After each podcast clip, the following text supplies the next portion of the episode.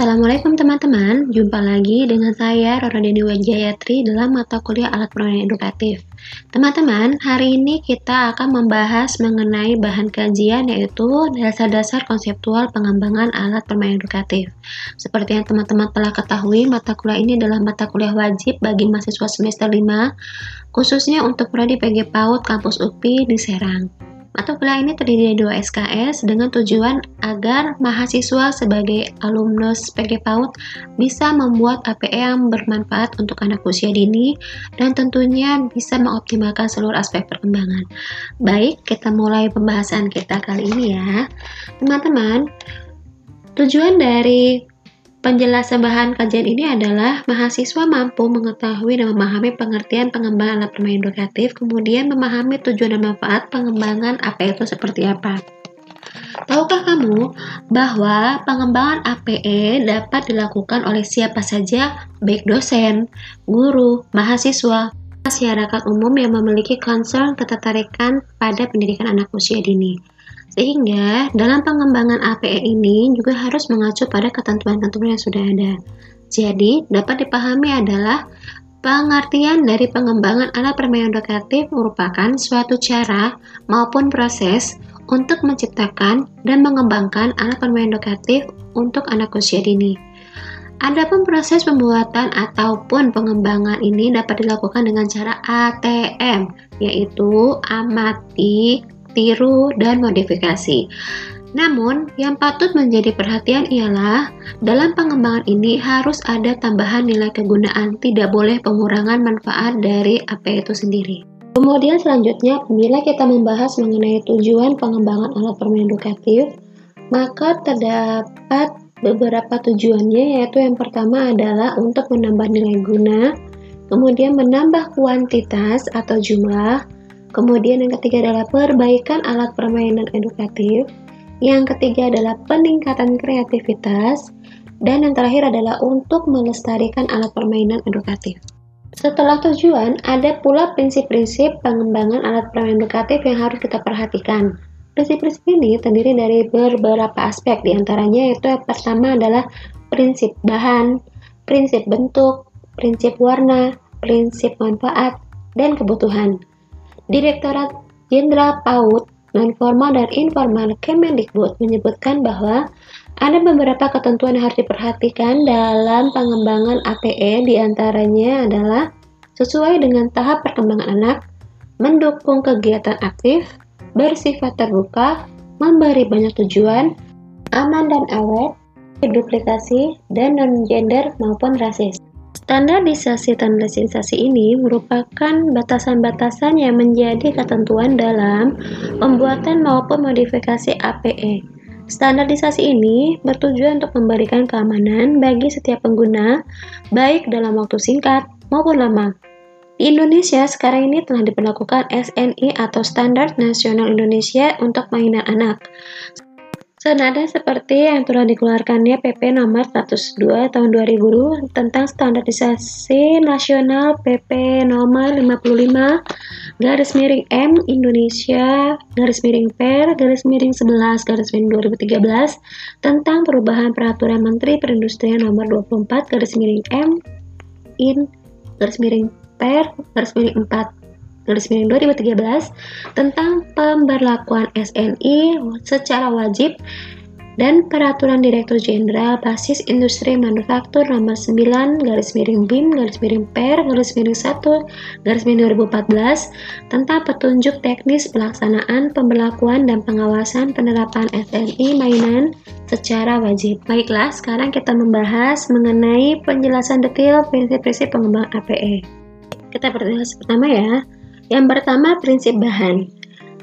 Prinsip bahan untuk APE anak usia dini adalah hendaknya tidak mengandung zat berbahaya atau mengandung zat kimia. Kemudian, sebaiknya bahan mudah didapatkan sehingga bisa menekan biaya produksi atau murah biayanya. Tapi jangan lupa untuk memperhatikan kualitasnya sebagai prioritas untuk anak-anak. Kemudian, prinsip yang kedua adalah prinsip bentuk. Prinsip bentuk di sini adalah untuk APE anak usia dini bentuk sederhana, menarik, dan mudah digunakan. Keunikan APE ini bisa dikembangkan melalui komposisi warna. komposisi bentuk, komposisi keamanan.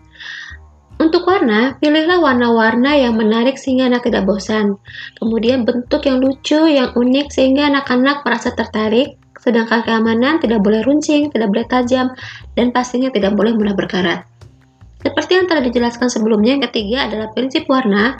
Prinsip warna yang harus dihindari untuk apa anak-anak adalah hindari warna gelap. Gunakan warna cerah. Warna seperti apa? Merah, kuning, hijau, biru. Hindari warna hitam, abu-abu tua, biru tua, dan seterusnya. Jangan menggunakan pewarna atau cat warna yang pudar atau mengelupas atau warna-warna yang mengeluarkan bau yang tidak nyaman atau menyengat karena hal-hal tersebut bisa membahayakan kesehatan anak-anak. Prinsip yang keempat adalah prinsip manfaat. Untuk APE anak usia dini, yang harus ditekankan adalah bermanfaat untuk mengoptimalkan aspek perkembangan anak usia dini yang ada enam, yaitu nilai agama moral, kognitif, psikomotor, bahasa, sosial emosi, dan seni. Yang kelima, prinsip yang terakhir adalah prinsip kebutuhan. Suatu APE yang dikembangkan akan lebih baik apabila mencantumkan kategori usianya untuk ditujukan usia range berapa. Misalnya, untuk finger painting atau untuk play-doh. Untuk anak-anak seperti ini, cocoknya range usianya berapa? Tidak mungkin usia di bawah satu tahun uh, pasir magnetik. Pasir magnetik ini juga lagi booming sekarang, tetapi tidak bisa digunakan untuk anak-anak yang di bawah 2 tahun. Kenapa? Karena anak-anak masih masa oral. Walaupun aman, tetap aja dia benda asing yang masuk ke dalam saluran pencernaan dan itu akan berbahaya bagi anak. Prinsip kebutuhan, kembangkanlah permainan anak usia dini yang bisa digunakan di mana saja, kapan saja itu yang harus ditekankan ketika teman-teman membuat membeli alat edukasi untuk peserta didiknya. Sampai bagaimana sampai di sini? Apakah sudah mulai ada bayangan? Kalau sudah, alhamdulillah kita lanjut ke pembahasan selanjutnya yaitu mengenai penjelasan prinsip-prinsip tersebut tentang acuan dari Direktorat PAUD non-formal ya. Maksud dari papan formal adalah yang pertama sesuai dengan tahapan perkembangan anak. Teman-teman udah paham ya kalau misalkan perkembangan anak seperti apa dilihat lagi Permendikbud 1376 2014. Jadi itu kita skip ya. Kita lanjutnya adalah mendukung kegiatan aktif. Seperti teman-teman ketahui bahwa mobilitas anak usia dini itu tinggi, aktif, egosentris, dia membutuhkan permainan-permainan atau bermain aktivitas yang memacu adrenalin tetapi tetap mendapatkan informasi. Adrenalin di sini adalah tidak semuanya kegiatan-kegiatan yang mengembangkan motorik kasar, motorik halus pun juga bisa. Anak-anak sehingga terpacu untuk mencoba dan mengerti dari pengalaman barunya. Yang ketiga adalah tentang bersifat terbuka. Maksud di sini adalah bersifat terbuka sama dengan fleksibel. Mainan dalam privasi dan dimanipulasi sehingga anak-anak bisa menggunakan dengan berbagai cara tanpa merasa takut akan akan aktivitasnya salah. Selanjutnya adalah memberi banyak tujuan. Maksudnya adalah dari satu alat permainan edukasi bisa membuat anak-anak melakukan kegiatan tetapi bisa mencapai beberapa tujuan. Contoh, misalnya ada puzzle mengenal hewan. Tapi dari satu puzzle itu anak-anak bisa mengenal nama, bisa mengenal bentuk, bisa mengenal suara hewan, penutup tubuh hewan, makanan hewan, dan seterusnya. Itu satu APE memiliki banyak tujuan. Kemudian selanjutnya adalah aman dan awet. Cukup jelas ya. Kemudian adalah memiliki duplikasi.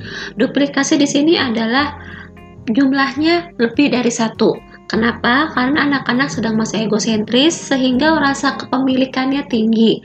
Buatlah alat permainan edukasi yang biaya produksinya rendah, tetap menarik, tetap berkualitas, mudah dibuat lagi itu maksudnya kemudian apa maksudnya dari non gender atau rasis maksud di sini adalah pendidik maupun orang tua dalam pengembangan APE yang harus diperhatikan adalah apa ini bisa dimainkan oleh laki-laki ataupun perempuan suku mana saja agama mana pun gender apa pun.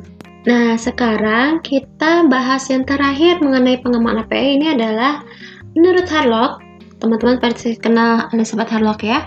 Menurut Harlock ada beberapa kriteria APE yang bisa digunakan anak-anak dalam bermain dan sebisa mungkin dihindari.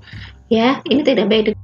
Yang pertama adalah berbahaya, kemudian selanjutnya adalah pilihan orang dewasa, kemudian selanjutnya adalah terlalu sedikit bervariasi, kemudian pilihan menurut urutan usia, lalu peralatan yang terlalu rumit bagi anak, peralatan terlalu sederhana bagi anak, peralatan yang terlalu rapuh.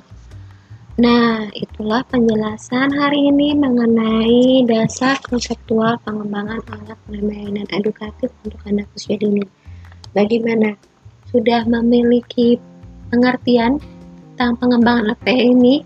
Intinya teman-teman, kita sebagai pendidik anak usia dini, selayaknya ketika membuat alat edukatif, pertimbangkan kategori usianya, pertimbangkan kebutuhan anak usia dini, kemudian targetan dan rentang usianya untuk berapa. Ya, teman-teman bisa melakukannya. Saya pasti yakin teman-teman bisa. Kita akan bertemu lagi untuk materi selanjutnya masih di mata kuliah alat permainan edukatif. Selamat mencoba untuk mengembangkan alat permainannya. Semoga berhasil. Terima kasih. Mohon maaf apabila soundnya kurang bagus. Wassalamualaikum warahmatullahi wabarakatuh.